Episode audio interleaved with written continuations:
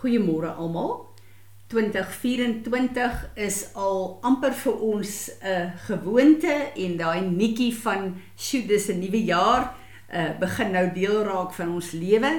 En ons kan net dink as 2023 vir ons so vinnig verby is dan uh, dink ek hierdie jaar gaan ons ook verbyster maar ek weet dat in hierdie jaar is daar baie belangrike dinge in ons lewe wat gaan skuif en wat moet gebeur en ek is versigtig om te sê ek is opgewonde want ehm um, gewoonlik is ek baie opgewonde oor wat die Here doen, sy beloftes en ek sal altyd wees, maar hierdie is 'n jaar wat die Here kom en hy bring 'n verantwoordelikheid vir onsself ook.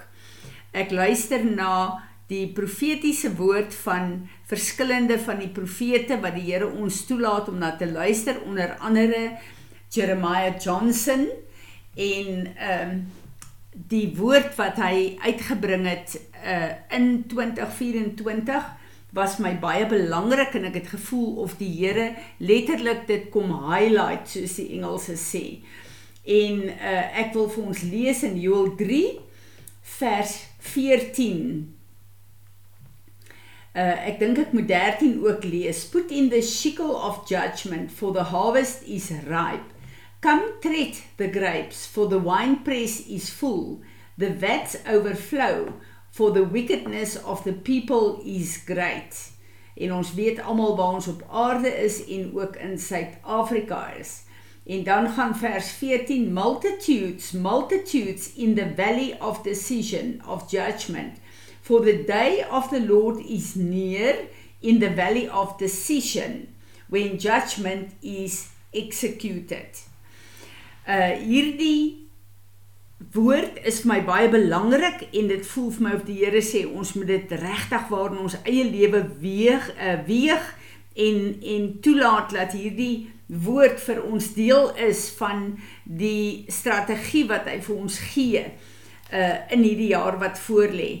Uh baie keer as God vir ons beloftes gee, is dit vir my baie lekker want dan kyk ek na die bonatuurlike uh kreatiewe plek wat God in ons almal se lewe ook in die skepping inneem en dan is daar so 'n plek in ons wat dink as God dit gesê het, gaan hy dit doen. En dan het ons daai afwagting om te weet God gaan iets in my lewe verander en dit is een van die wonderlikste plekke waar ons as kinders van die Here saam met die Here kan loop om te weet dat hy wat die skepper is doen ook 'n herskepingswerk, 'n herstel, 'n genesing, 'n bevryding in ons lewe soos wat ons hier op aarde uh, gekonfronteer word met baie uh, verkeerde goed en uh, goed waarin ons lewe in hierdie tyd. Uh maar hierdie skrif kom die Here en hy kom bring die fokus na ons toe. En hy sê ons is te midde van al hierdie ehm uh, korrupsie, al hierdie seksuele perversiteit, hierdie ehm uh, drankmisbruik, hierdie uh uh vals uh, doktrines, ehm uh, uh, al die bindinge wat daar op aarde is, te midde van al hierdie goed waarin ons lewe, bring hy ons as sy kinders na 'n valley of decision. Hierdie is 'n plek waar ek en jy self besluite moet neem, waar ek en jy 'n geleentheid kry in hierdie jaar om te sê, Here, ek gaan my skaar by U en by wat U wil doen. En ek het 'n bietjie gaan kyk na die die ehm um, 'n uh, 'n uh, Hebreëse ontleding van hierdie skrif en ehm uh, baie van die woorde klink vir ons uh op die oog af of dit bekend vir ons is. Maar hier waar hy praat van daar is 'n dag, daar het 'n dag aangebreek wat ons in hierdie plek gaan staan van besluitneming. Daai woord dag beteken letterlik nie net 'n dag wat 'n uh, uh, 24 uur is nie, maar hierdie is ook 'n 'n woord wat gebruik word. Hierdie is 'n required season. Dit is 'n space in time. Dis 'n proses van tyd. En dit is 'n plek waar daar letterlik 'n 'n die woord dag 'n uh, is die betekenis 'n age and 'n letterlik 'n jaar. Hierdie is nie net soos 'n 24 uur dag nie. Hierdie is 'n tyd wat aangebreek het. Dis 'n seisoen, dis 'n geleentheid wat aangebreek het wat die Here kom en hy sê hierdie dag is nou naby. Hy praat in baie plekke van sy woord, maar daai woordjie neer beteken dit het gekom to approach. Dit het naby gekom uh vir die doel waarvoor hy dit geroep het. Ons is in hierdie valley vir hierdie dag wat nou aangebreek het wat ons uh hom moet benader om ons te help om die keuses te maak. Dis 'n plek waar ons uh naby hom uh die Engelse gebruik hier die woord to draw near to to be at hand to join with God to be near to offer ourselves to present ourselves. Maar nie net dit nie dis ook 'n plek to make ready to take a stand en dan te produce. En hierdie woord is vir my eintlik so 'n 'n belangrike woord om te sê dit is wat nou aangebreek het. So hierdie neer is nie net 'n woordjie van naby nie. Dis 'n woordjie waar ons nabyheid moet manifesteer in 'n belangrike besluit en handeling wat ek en jy in hierdie tyd moet doen. En die woordjie valley, nou daar is uh, ons het al baie preke gehoor oor uh, on the mountains and in the valleys, maar hierdie woord hier staan letterlik vir om versigtig op 'n diep plek van besluitneming te wees. Ons moet versigtig kyk hierna. Dis nie 'n plek. Dis nie 'n plek waar ons som dis Dis nie 'n plek waar ons sommer net kan 'n uh, 'n uh, 'n uh, besluit neem om uh, vinnig oor iets te gaan. Hierdie is 'n plek waar ons diep moet dink en waar ons moet besin en dan 'n besluit neem. En dan 'n 'n belangrike plek ook van van 'n uh, om 'n besluit te neem. Wat beteken hierdie? Hierdie is letterlik 'n plek.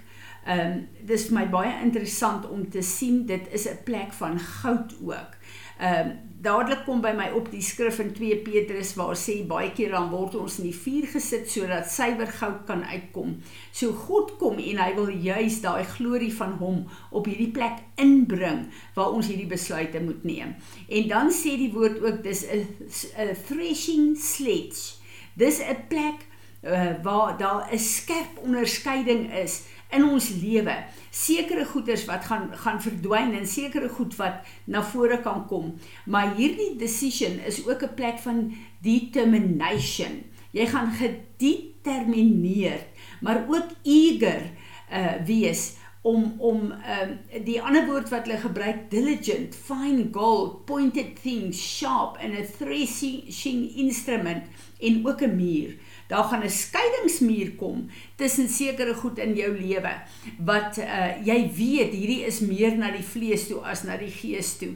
So daar gaan 'n definitiewe lyn 'n uh, eh, 'n uh, eh, die woord gebruik die woord plumb line. Dit gaan 'n lyn wees wat getrek word in sekere goed in jou lewe. En uh, wat vir my baie belangrik hier is wat ek en jy moet besluit is dat hierdie is 'n valley of decision. Dis nie God wat gaan besluit nie, is ek en jy wat gaan moet besluit. En hierdie besluit van my en jou gaan 'n impak in ons lewe, in ons elke dag se program en in ons uh, jaar hê. So die Here kom in die skrif uh, wat ek gelees het um, vers 13 voordat ons op die uh, plek van besluitneming kom.